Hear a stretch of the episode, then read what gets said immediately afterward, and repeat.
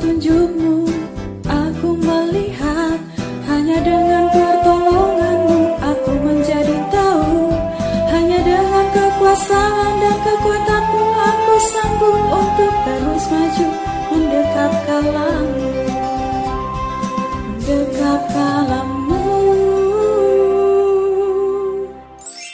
Ini Ustaz, saya pengen belajar tentang Sakho Ustaz. Tentang Saho. Iya Ustaz. Kamu udah bawa kitab? Belum Ustaz. Ya udah ambil dulu kitabnya di kamar ya. Saya ambil Ustaz ya. Ya siap. Assalamualaikum Ustaz. Waalaikumsalam. Afwan Ustaz. Ya, udah dibawa kitabnya. Udah nih Ustaz, kitabnya sudah bawa. Ya udah mulai dibaca ya. Bismillah dulu. Iya Ustaz. Bismillahirrahmanirrahim. As-sakha'u huwa badlul mala. Bentar, bentar Mi. Kayaknya ada yang salah itu bacaannya. Mala apa mali? Mali Ustaz di sini.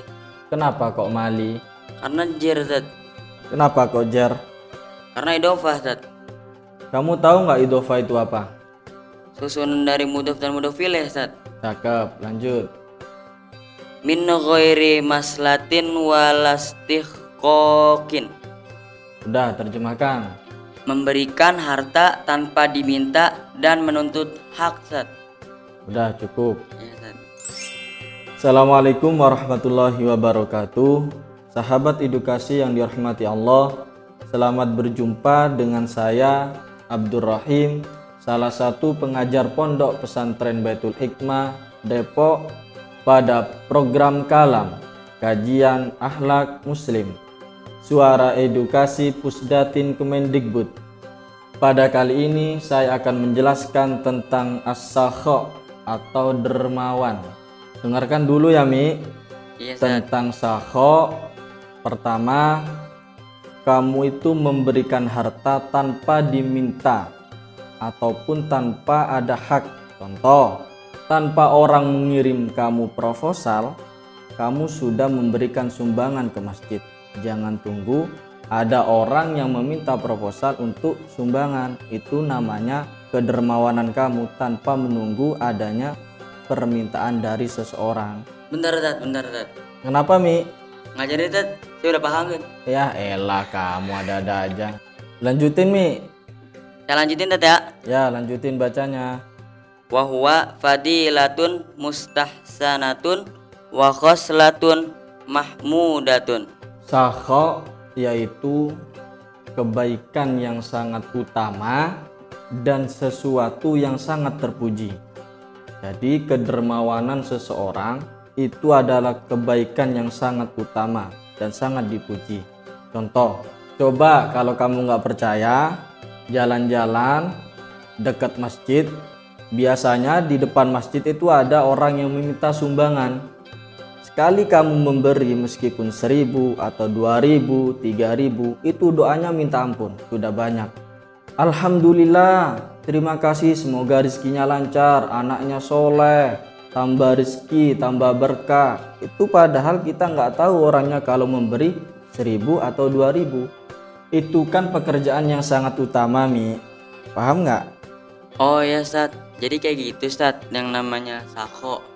Iya benar kayak gitu Mi. Kalau kamu nggak percaya lagi, kamu tidak usah risau, tidak usah khawatir. Kalau kamu dermawan, loman, jangan khawatir kalau harta kamu semakin habis. Kita contoh makhluk Allah yang lain. Misalnya laut. Setiap hari ikan itu diambil dari laut. Apa pernah habis ikannya itu? Padahal setiap hari diambilin sama orang.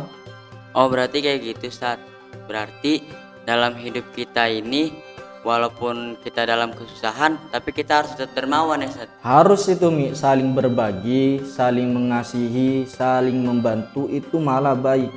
Jangan malah mentang-mentang kita tidak punya uang, kemudian tidak mau untuk berbagi. Itu kesalahan yang fatal Mi. Hmm gitu Ustaz. Ya udah Ustaz, saya tentang sakho sudah mulai paham nih Ustaz kayaknya. Biar kamu tambah paham, lanjutin bacanya. lima fihi min irtibatil qulubi wajtima'iha fayazumul intifa'u wa ya'ummul irtifaqu Karenanya berkat sahok atau kedermawanan seseorang akan mengantarkan hati kita dan menyatukan hati antar sesama. Misalnya kamu berbagi dengan teman kamu, cara tidak langsung itu akan menjadikan hati kita saling memahami, saling menyatu, dan saling mengerti. Dan tidak kalah lagi Mi, besar manfaatnya atau faedahnya kedermawanan itu sangat menyeluruh. Tahu maksudnya menyeluruh itu apa? Kalau saya ingat dulu salah satu Masyayikh Lirboyo pernah bercerita kenapa pendiri Pondok Pesantren Lirboyo Bayai Abdul Karim bisa menjadi seperti itu berkat ibunya Mi. Kau berkat ibunya Ustaz? Dulu Bayi Abdul Karim ketika masih umur 6 tahun ditinggal wafat ayahandanya kemudian ibunya disimah bahasa Jawanya. Simah itu apa Ustaz? dinikahi oleh orang yang biasa bukan kiai. Setiap harinya itu selalu kekurangan. Ibunya Mbak Abdul Karim itu ikut suaminya yang baru pergi ke pasar untuk mencari nafkah. Setiap kali ke pasar, beliau, ibunya Mbak Abdul Karim itu melihat sarung batik yang ditulis dengan tangan itu kan bagus Mi. Iya Ustaz. Kalau sarung batik yang tulisan tangan itu harganya mahal. Beliau setiap kali ke pasar ngelas ngelus sarung itu kapan ya saya mampu beli sarung ini baru dapat tiga tahun karena dagangannya agak laris, kemudian beliau mampu membeli sarung itu, baru dipakai satu atau dua bulan, beliau mau pergi ke pasar, berjalan di depan rumah, kemudian melihat seseorang menangis yang berada di dalam rumah itu. Akhirnya ditanya, Mbak Yu, kamu kenapa kok nangis? Begini Mbak Yu, saya ini baru melahirkan. Sarung saya cuma satu. Kalau saya pakaikan ke anak saya, saya nggak pakai apa-apa. Walah gitu toh. Ya udah tunggu sini Mbak Yu. Saya mau ambil sarung. Sarung yang tadi didamba-dambakan kira-kira dipakai satu bulan itu langsung dikasihkan ke Mbak Yu tadi. Mbak Yu, ya udah sarung yang bagus ini kamu pakai sarung yang satunya kamu kasih. Kamu selimutkan pada anak kamu. Ya udah Bayu, terima kasih. Mudah-mudahan kamu dibalas oleh Allah berkat saya susah karena anak saya. Mudah-mudahan kamu bahagia berkat anak kamu. Berkat kedermawanan ibu beliau, Mbak Abdul Karim, maka tidak heran kalau Mbak Abdul Karim akhirnya menjadi seperti itu. Begitu Mi. Jadi cuma gara-gara kedermawanan ibunya Mbah Yai Abdul Karim, Mbah Yai Abdul Karim bisa jadi orang yang begitu mulia ya Ustaz? Betul. Berkat ibunya makanya Najmi dan sahabat edukasi yang dihormati Allah, seringlah kita berbagi siapa tahu kelak anak kita seperti Mbak Abdul Karim. Amin. Sehingga ada kata-kata bijak laisal ata'u minal fuduli samahatan hatta tajuda wa ma ladaika qalilu. Itu apa Ustaz maksudnya Ustaz? Artinya gini Mi, seseorang tidak dikatakan dermawan kalau bagi-bagi harta ataupun pakaian itu sisa atau pakaian yang tidak dipakai. Itu namanya bukan dermawan Mi. Sehingga kalau orang apa yang dimiliki di rumahnya itu tinggal sedikit. Itu baru dikatakan dermawan. Senada dengan firman Allah di dalam Al-Quran, dalam surat Al-Imran, kamu bisa baca nggak Mi?